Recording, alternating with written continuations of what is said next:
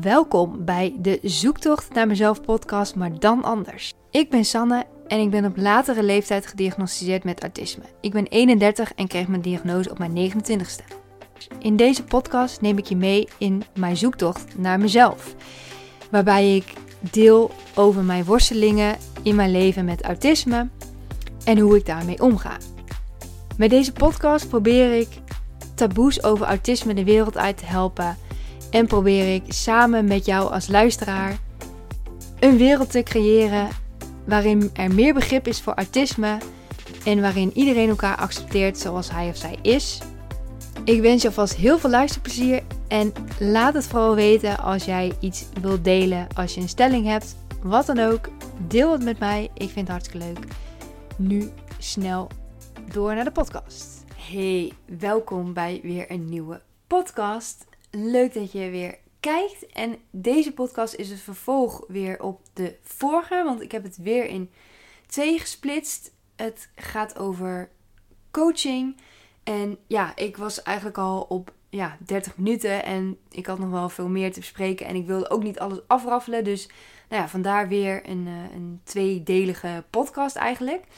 En mocht je het plantje in beeld voor de mensen die kijken op YouTube Mocht je het plantje in beeld niet fijn vinden en mocht je mijn make-uploze uiterlijk niet zo leuk vinden, dan is deze nog even zo. Dus, en als je dat niet leuk vindt, dan geef het vooral aan. Want ik wil wel voor de mensen, ja, als je het, niet, ja, als je het leuk vindt, dan is het leuk. Maar als je het niet leuk vindt, dan kan ik het beter uit beeld halen. Dan, uh, ja, dan doe ik daar wat aan. Want ik wil wel uh, dat je het fijn vindt om naar te kijken en naar te luisteren. En dat je er iets aan hebt ja, iets waar je mee kan. Dus dat, ja, ik was gebleven bij of je wel eens gestrest raakt door jouw coach. En ik had twee reacties over gesproken.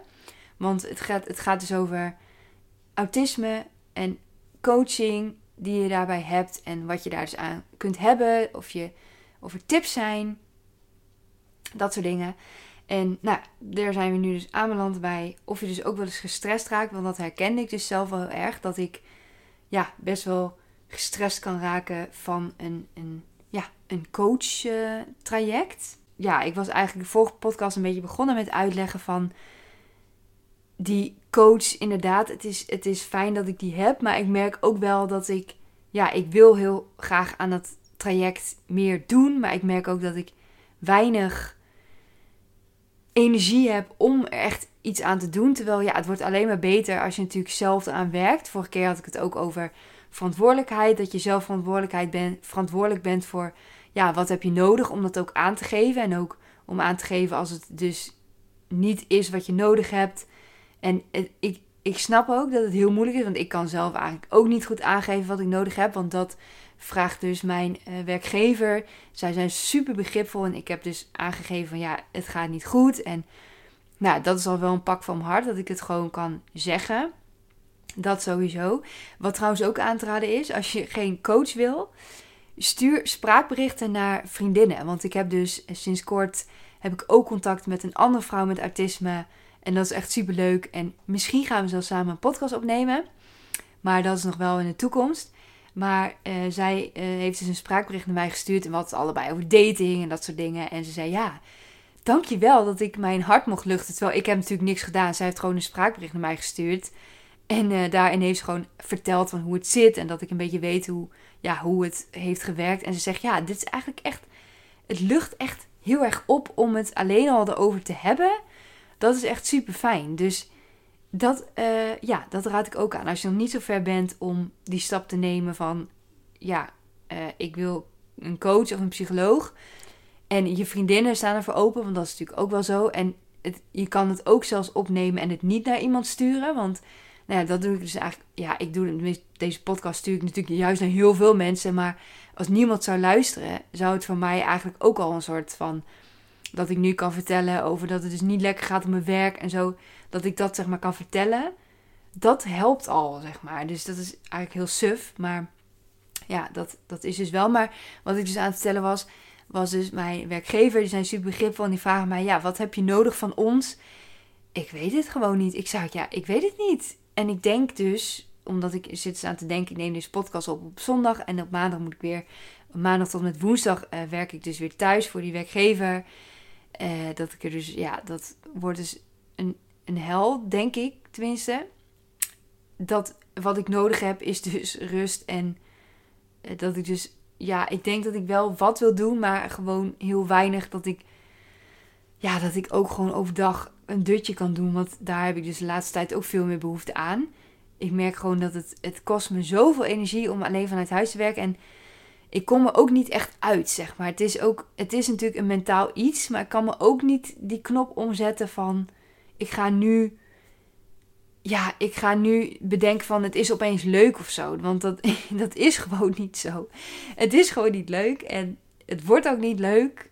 Zeg maar, die mensen zijn heel lief en heel aardig en weet je, onbeperkte denkers is echt super tof initiatief om ja, om aan te kunnen bijdragen. Alleen, ja, ik merk gewoon dat ik daar nu, als ik alleen maar voor mijn computer zit, ik, ik haal daar de voldoening niet uit. En ehm, ja, het is misschien ook niet meer genoeg uitdaging. En ik zie dus ook niemand, zeg maar fysiek, maar ook heel weinig online zie ik nog eigenlijk mensen, vrij weinig, ja, variatie en vrij weinig afspraken waarbij ik ook echt, nou ja, het is allemaal veel te inhoudelijk, maar Um, nou ja, zij vroegen dus ook van wat heb je nodig. Dus het is fijn als je voor jezelf duidelijk hebt van wat heb je nodig als je, duidelijkheid, als je duidelijk hebt wat je niet nodig hebt. Dat zegt ook al heel veel, want daar kun je ook al op selecteren. Als je bijvoorbeeld een coach zoekt van ja, wat wil ik niet? Nou, dan vallen er al een paar af en dan heb je alweer een mindere, ja, hoef je uit een minder grote pool een keuze te maken. Want in de vorige podcast bespraken we het ook al dat er best wel heel veel keuze is. Dus uh, ja, maar goed, raak je dus ook wel eens gestrest? We gaan door met de luisteraarsvraag. En um, nou, we hebben dus de eerste twee reacties al besproken. En dan gaan we nu de volgende bespreken.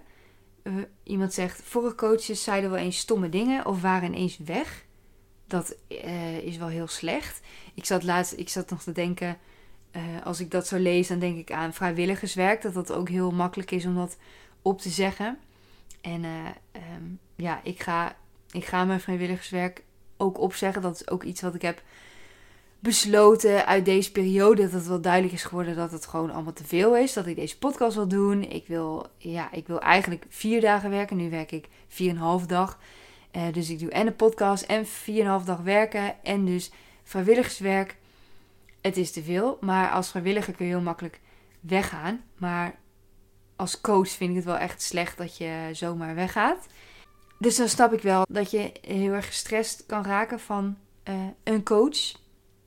En uh, de vorige reactie was ook dat er een vervelende opmerking is gekomen. En dat heb ik zelf eigenlijk helemaal niet ervaren. Maar nu ik twee reacties erover lees, denk ik.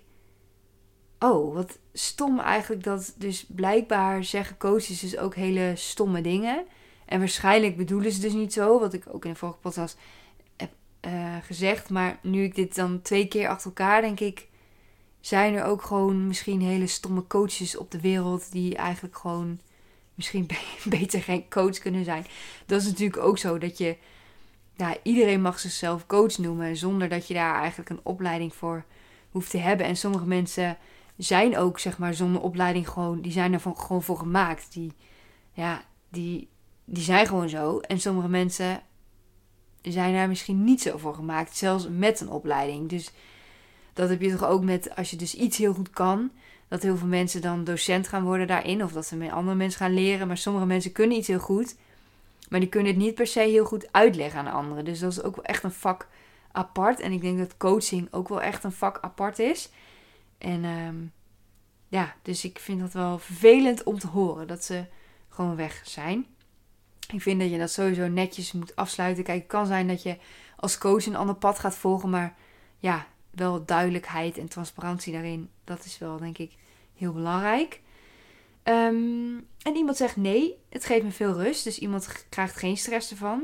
Die krijgen heel veel rust. Dat is natuurlijk ook wel een beetje het doel van de coaching. Dat je er rust van krijgt. En dat, dat heb ik dus ook wel heel erg. Dat het helpt natuurlijk wel. Het is niet voor niks dat je een coach hebt. Dus het, zal natuurlijk, het is natuurlijk niet goed. Oké, nee, ik, ga, ik begin zo. Af en toe stress hebben of zo van een coach of een traject, dat is natuurlijk niet erg. Maar het doel zou wel moeten zijn dat je het overgrote deel er wel natuurlijk rust van krijgt. Dus als je alleen maar stress krijgt, ja, dan kun je beter dus geen coaching doen. Want als je alleen maar stress oplevert, dan kun je beter geen coaching, want dan heb je minder stress dan dat je wel coaching zou hebben. Dus het moet natuurlijk wel de voordelen uh, moeten voor jou natuurlijk wel opwegen tegen de nadelen ervan. En ehm, ja, dus dat, nou, denk daar wel eventjes aan. Dat, nou ja, vast heb je, dat weet je, snap je zelf ook wel, denk ik. Dat dat zo moet zijn. Dus het is fijn dat iemand gewoon helemaal chill is en waarschijnlijk gewoon de perfecte match heeft en dat het heel veel rust geeft. Dus daar gaan we voor. En iemand zegt heel af en toe wanneer ik iets zou opzoeken voor de volgende keer en dat heb ik niet gedaan. Ja, dat, dat herken ik dus denk ik wel erg. Dat ik dus voor mezelf heb bedacht van ik wil dit en dat doen en dat zij oefeningen meegeeft en dat ik met die oefeningen dus gewoon niks heb gedaan. Dan voel ik me daar een beetje schuldig over en dan, ehm, ja, dan voelt dat, dan voelt dat een beetje naar. Dat je daar, uh, ja, dat je daar dus een beetje stress over krijgt. Van, oh shit, ik heb het niet gedaan. En dat terwijl een coach, die is er natuurlijk om jou te helpen. En niet als een soort docent op een school van je moet dit doen, want je moet een toets halen, weet je wel. Een coach is om jou te helpen en een coach kan je alleen maar helpen als jij zelf ook het werk doet. Want ja, dat je een coach hebt, betekent niet dat die coach ook voor jou al het werk gaat doen. Jij moet zelf aan de slag. En dat is juist het moeilijkste. En dat is denk ik ook heel frustrerend voor coaches. Ik denk vooral voor online coaches dat mensen dus denken van... oh ja, dan heb ik een coach en dan weet je al, dan is alles opeens... dan geeft hij mij een oplossing en dan is alles gewoon... wow, dan is alles gewoon hem opgelost. Maar dat is natuurlijk, dat is natuurlijk niet zo. En dat is wat heel veel mensen, denk ik, ook wel soms een beetje vergeten van dat ze zelf dat een coachingstraject het kost geld sowieso. Vaak vergoedt een werkgever dingen of zorgverzekering of dat soort. Daar moet je natuurlijk altijd achteraan gaan. Als dat zo is, dan uh, is dat super fijn. Maar ja, het, het, vaak kost het wel geld omdat je misschien ook uh, moet investeren in misschien dat je dan tijd vrij van je werk moet vragen omdat je dat traject volgt, weet ik voor wat. Dus het, nou, het kost altijd iets als het geen geld kost, kost het energie en tijd. Omdat je dus ja, erin moet investeren. Dus je kunt andere dingen niet doen die je eerst wel deed. En sowieso, wat ik ook nog wil zeggen over coaching, dat. Uh, dat vind ik wel trouwens een goede. Als je doet wat je deed, krijg je wat je kreeg. Dat zeg ik heel vaak. Dat als je dus. Je hebt coaching omdat je wilt iets veranderen of je wilt iets. Ja, je wilt iets anders. Maar je wilt ook niet veranderen. Je wilt ook niet je gedrag veranderen. Je wilt ook niet aanpassen. Je wil, daar heb je een beetje weerstand tegen. Ja, dan blijft het ook wel zoals het was. Het is niet dat als jij denkt van ik wil iets anders, dat het dan anders wordt. Dan moet je ook wel echt anders voor gedragen. En dingen doen die je misschien niet zo leuk vindt om te doen. Of waar je je minder comfortabel bij voelt. En veel dingen waar je je niet comfortabel bij voelt. Dat wordt uiteindelijk wel beter. Zoals ja, vaak is het dat je dus voor jezelf op moet komen. Dat je je grenzen moet aangeven. In het begin is dat echt super moeilijk en super stressvol en super naar eigenlijk bijna. Maar als je op een gegeven moment meer eraan gewend bent, dan ja, wordt het steeds makkelijker om voor jezelf op te komen. En dan is het veel minder dat het uit je comfortzone is. Maar ja, dus dat is wel iets wat je je ook wel moet realiseren van... Een coach kan jou alleen helpen als jij het ook echt wil. En dat is natuurlijk ook bijvoorbeeld als je het hebt over stoppen met roken of dat soort dingen. Kijk, mensen weten zelf ook wel dat het niet gezond voor je is. En dat het, ja, dat, je, dat het gewoon niet goed is dat je rookt en dat soort dingen. Maar ja, toch is het heel moeilijk om te stoppen. En dat vind ik heel, sowieso een heel interessant iets. Daar kan ik ook wel een uur over vol praten, denk ik. Omdat ik nooit zal weten hoe het is om dus verslaafd te zijn aan roken. Ik, ik wil dat niet. Ik denk dat, ik denk dat ik best wel verslaafd zou kunnen raken aan roken. Als ik gewoon, uh, ja, dan maar lang genoeg volhouden, dan word ik vanzelf denk ik verslaafd. Maar dat wil ik dus echt niet. Maar ik wil wel heel graag weten hoe dat dan werkt. Dat je dus wel weet dat het slecht is, maar dat het niet lukt om te stoppen. En nou ja, misschien heb ik dat wel met mijn nagels. Ik, ik pulp mijn nagels echt soms tot bloedens aan toe uh, eraf. Kijk, op de, in de, op de video kun je er nu zien hoe het eruit ziet. Nou, niet zo mooi. Maar toch kan ik, ik vind het dus niet mooi en ik weet ook van ja, het slaat eigenlijk nergens op, maar toch kan ik niet ermee stoppen. Dus misschien is dat wel een beetje vergelijkbaar. Al is er niet een stofje. Ja, misschien als ik pulk, komt er misschien een bepaald stofje in mijn hersenen. Wat dus vergelijkbaar is aan eh, nicotine van de sigaretten. Maar waarom zeg ik dit hele verhaal? Oh ja, dat ik dus wil weten, ja, dat je dus zelf ook wel weet dat je het werk moet doen. En dat uh, als je dus stopt met roken, dat er bepaalde gedachten naar boven komen. Misschien waar je lastig mee om kunt gaan. Dat je, nou ja, waarom je dus weer begint met roken, omdat het geeft je rust in je hoofd misschien. En dat het daarom lastig is om daarmee te stoppen. En dat is net zoals met een coach, dat je, je wilt wel veranderen. Maar om echt het werk te doen, is soms wel heel lastig. Dus dus als je een stap hebt gezet naar de psycholoog of een coach, dan dat is sowieso al goed. Want dan erken je dat, je dat er iets is waaraan gewerkt moet worden. De volgende stap is het ook echt te doen. En nou ja, dat kan, nou ja, het kan ook wel een vlagen. Dat heb ik dus ook heel erg. De ene periode ben ik wel elke dag een boekje aan het schrijven. En dan doe ik het allemaal. En het andere moment dan laat ik het een paar weken weer links liggen. En dan, uh, ja, dan heb ik weer niks gedaan. En dan voel ik me dan weer schuldig over. Maar goed, dat moet ik wel ook een beetje loslaten. Maar ja, daar heb ik dan weer mijn coach voor om me daarvoor te helpen en handvatten te geven waar ik dan weer mee aan de slag kan. Dus ehm, eh, ja, dus inderdaad, maar ik snap wel dat iemand dus zegt dat, uh, uh, dat er stress is als, je, als je dus iets niet hebt gedaan wat je wel had beloofd om te doen. Maar eigenlijk, een, een coach kan niet echt boos worden, omdat ja, je zou eigenlijk inderdaad dan boos op jezelf moeten worden. Maar dat word je dan ook omdat je dus stress hebt van, oh shit, ik heb het niet gedaan. Want je doet het voor jezelf. Dus nou ja, dat is dus een heel lang verhaal bij één reactie.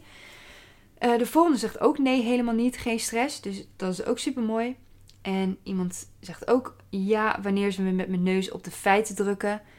Dat is inderdaad, dat is soms gewoon even nodig. Dat is misschien ook een beetje, ja, waar ik net ook een beetje over had van, ja, dat je soms denkt van shit, ik moet echt iets veranderen. En dat je dat gewoon heel moeilijk vindt. En dat je ook bang bent hoe anderen erop gaan reageren. Want als je, ja, als je ook bijvoorbeeld nooit je grenzen hebt aangegeven. Of als je hoort van, ja, dit kun je zo niet meer doen.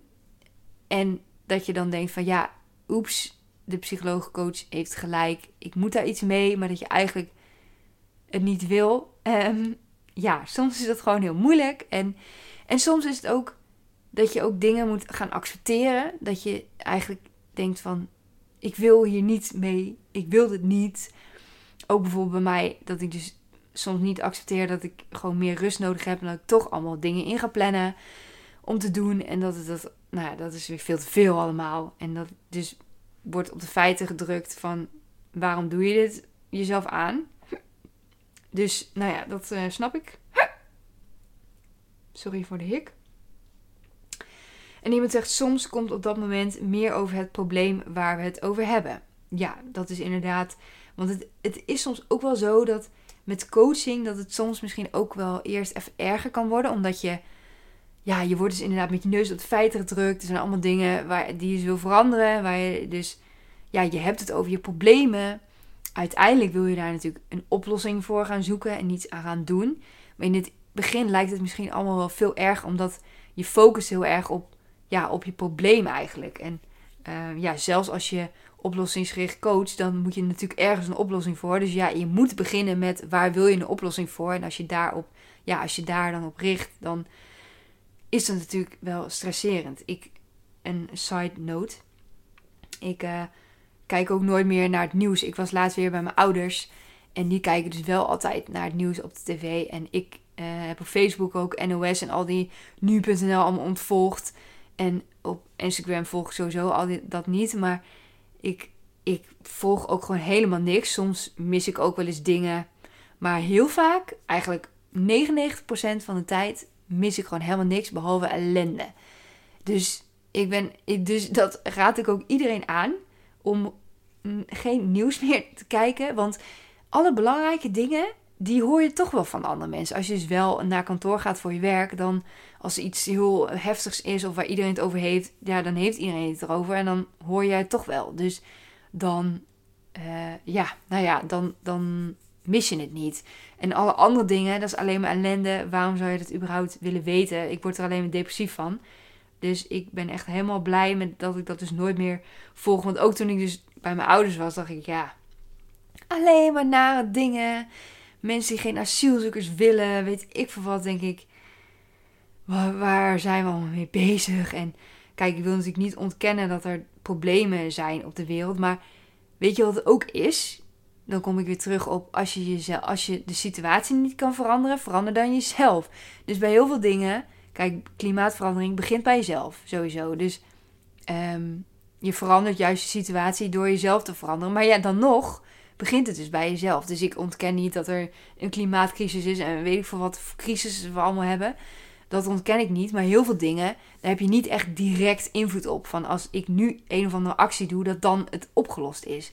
Maar het is meer het collectief wat dan de oplossing heeft. En als ik iets kan doen, dan doe ik dat bij bepaalde issues. Maar heel veel dingen denk ik, ja, wat kan ik eraan doen? Je kan ook niet alle ellende op de wereld verhelpen. Dus ja, dan kun je maar beter gewoon eigenlijk een beetje een soort oogklep opdoen. En focussen op jezelf en wat ik zelf heb te verbeteren. Dan, als ik mezelf verbeter, dan wordt de wereld daar ook weer beter door, denk ik. Dan kan ik weer meer toevoegen. Dan, ja, zo kun je het ook een beetje zien. En dan komen we bij de volgende vraag. Wat haal jij uit de coaching? Wat leer je? Welke inzichten? Enzovoort.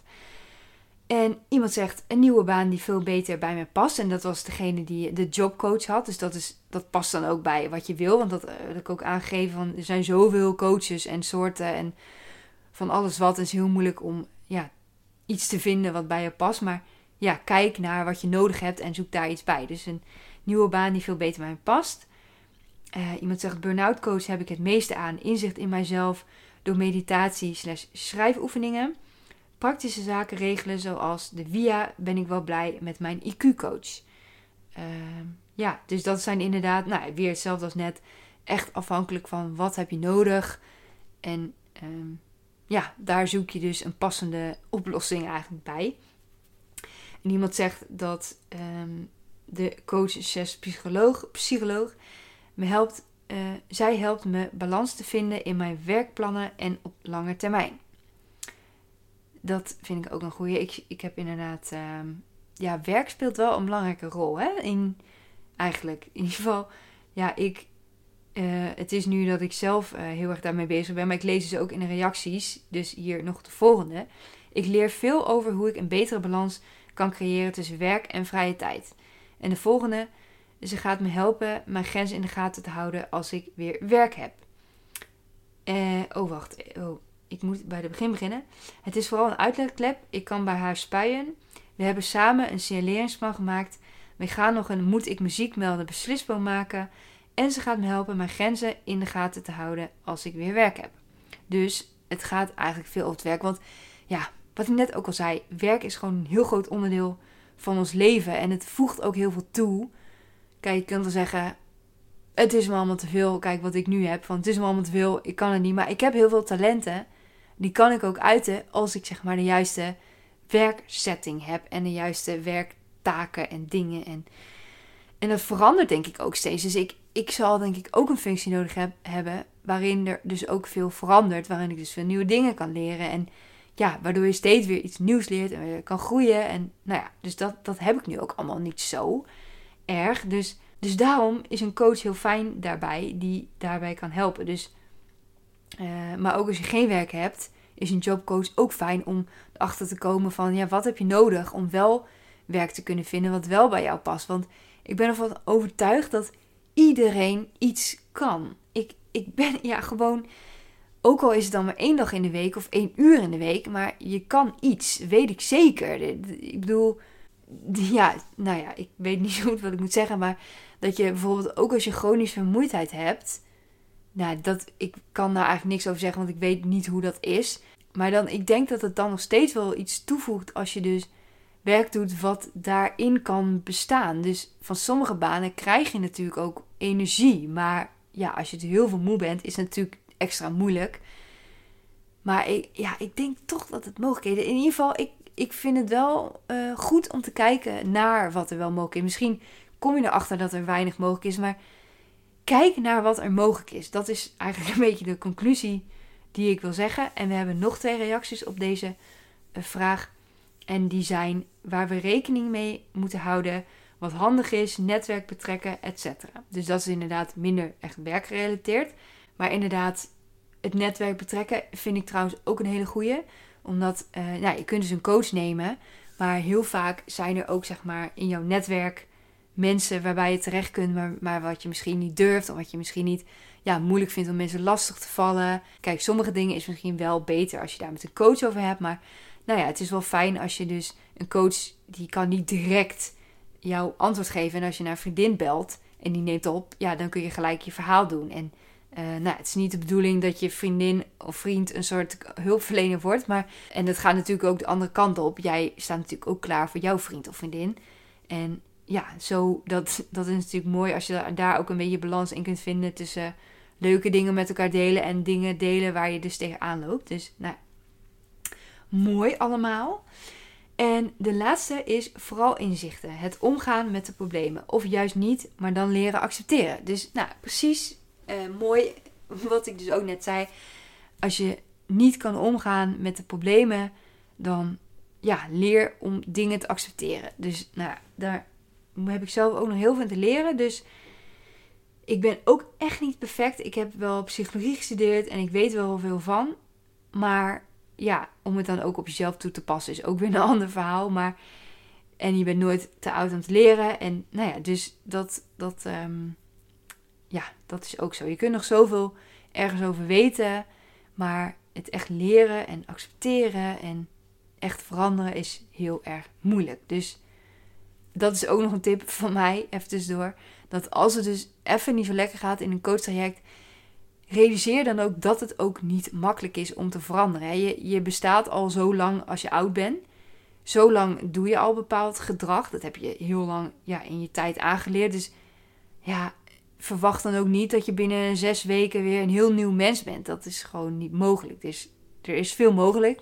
Als soms kun je met kleine dingetjes al echt mega verandering boeken. Maar sommige dingen hebben gewoon heel veel tijd nodig. Dus um, uh, gewoontes duren geloof ik ook uh, minimaal zes weken voordat je een nieuwe gewoonte in je systeem hebt. Dus het kan zes weken, zes weken worsteling zijn voordat je dus een nieuwe gewoonte hebt uh, opgepakt. Dus nou, en ja, dat is alleen nog maar gewoonte. Dus moet je nagaan hoe echt lastige dingen veranderen, hoe moeilijk dat dan is. Dus wees niet teleurgesteld als het niet zo snel gaat als je dacht. En de laatste vraag die we gaan beantwoorden is tips voor het vinden van een goede autisme coach. Autisme te zaakjes. Iemand zegt buurtteams vanuit de gemeente kunnen goed helpen bij een aanvraag. Daar zei ik het inderdaad ook, had ik het vorige keer ook over. Dat je uh, ja, bij de gemeente, als je dus uh, sowieso kun je bij de gemeente uh, aangeven van nou, dit is, ja, ik heb autisme, kunnen jullie helpen, dit en dat. Dus je zou gewoon open zijn naar de gemeente gaan. Een indicatie banenafspraak kan helpen om bijvoorbeeld dus een jobcoach te krijgen. krijgen of nou, nog misschien andere begeleiding. Ik weet niet, verschilt ook weer per gemeente. Dus ga naar de gemeente, dat is een goede. Uh, iemand zegt op zorgkaart.nl staan soms recensies van coaches. Dus dat is ook een goede. Ja, om daar gewoon te kijken naar recensies. wat ik net ook al zei, het is natuurlijk ook heel uh, persoonlijk. En dat zegt ze ook in de volgende antwoorden. Iemand, uh, of ze zegt dus ook, en vraag mensen om je heen welke coach hen bevalt. Want dat is ook een hele goede. Om, uh, ja, mensen om je heen die denken vaak ook wel hetzelfde over dingen. Dus kan heel goed dat die heel goed bij jou past. Maar ze zegt wel als laatste, pas beslissen, beslissen na een kennismakingsgesprek. En dat is dus een hele goede, omdat je, uh, ja, ook weer net als daten, dat je dus pas echt een gevoel bij iemand hebt als je iemand echt gezien hebt. En dan ben ik zelfs nog meer fan van fysiek iemand zien dan online. Als je alleen maar online hebt, ja, dan hoef je iemand ook alleen maar online te zien. Als dat dan klikt, dan is het goed. Maar als je dus een, wisselende, de ene keer fysiek, de andere keer online, dan is het handig om wel echt fysiek af te spreken. Om dan elkaar te zien en een beetje ja, energie te voelen eigenlijk. Dus uh, zeker zou ik dat aanraden. En iemand zegt eh, GGZ, psycholoog. Dus ja, dan kun je ook eerst naar de huisarts gaan bijvoorbeeld.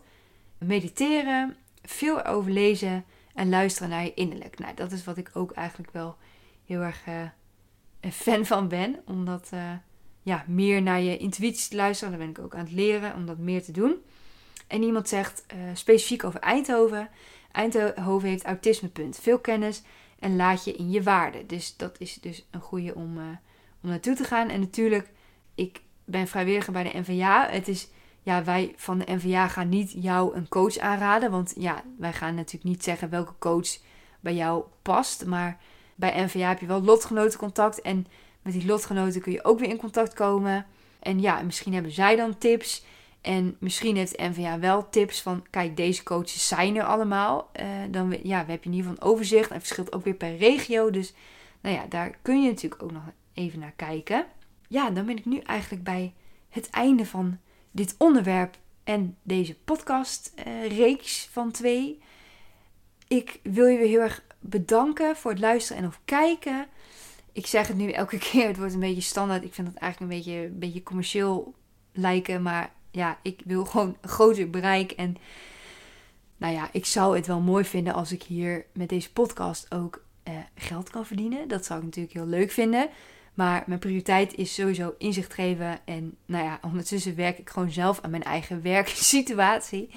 Maar um, daarom uh, wil ik vragen om de podcast op Spotify een uh, aantal sterren te geven. Dat kan, dat kan dus via Spotify. Kun je mijn, uh, naar mijn show gaan, naar mijn podcast show. En daar kun je mij podcaststerren geven. Je kunt op YouTube kun je mijn abonnaal, uh, mijn kanaal kun je op abonneren. Je kunt video liken natuurlijk. En ja, geef vooral aan wat je fijn vindt, wat je niet fijn vindt. Heb je een luisteraarsvraag? Daar ben ik ook nog altijd naar op zoek.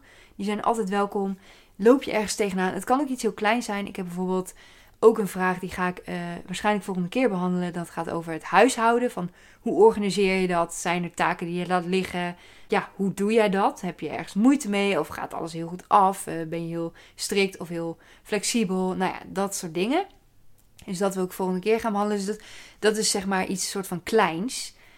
Uh, dus het, hoeft helemaal niet heel groot te zijn. Maar um, ja, maakt niet uit. Dus laat het gewoon aan mij weten. En uh, nou, wie weet ga ik het volgende podcast uh, erover hebben.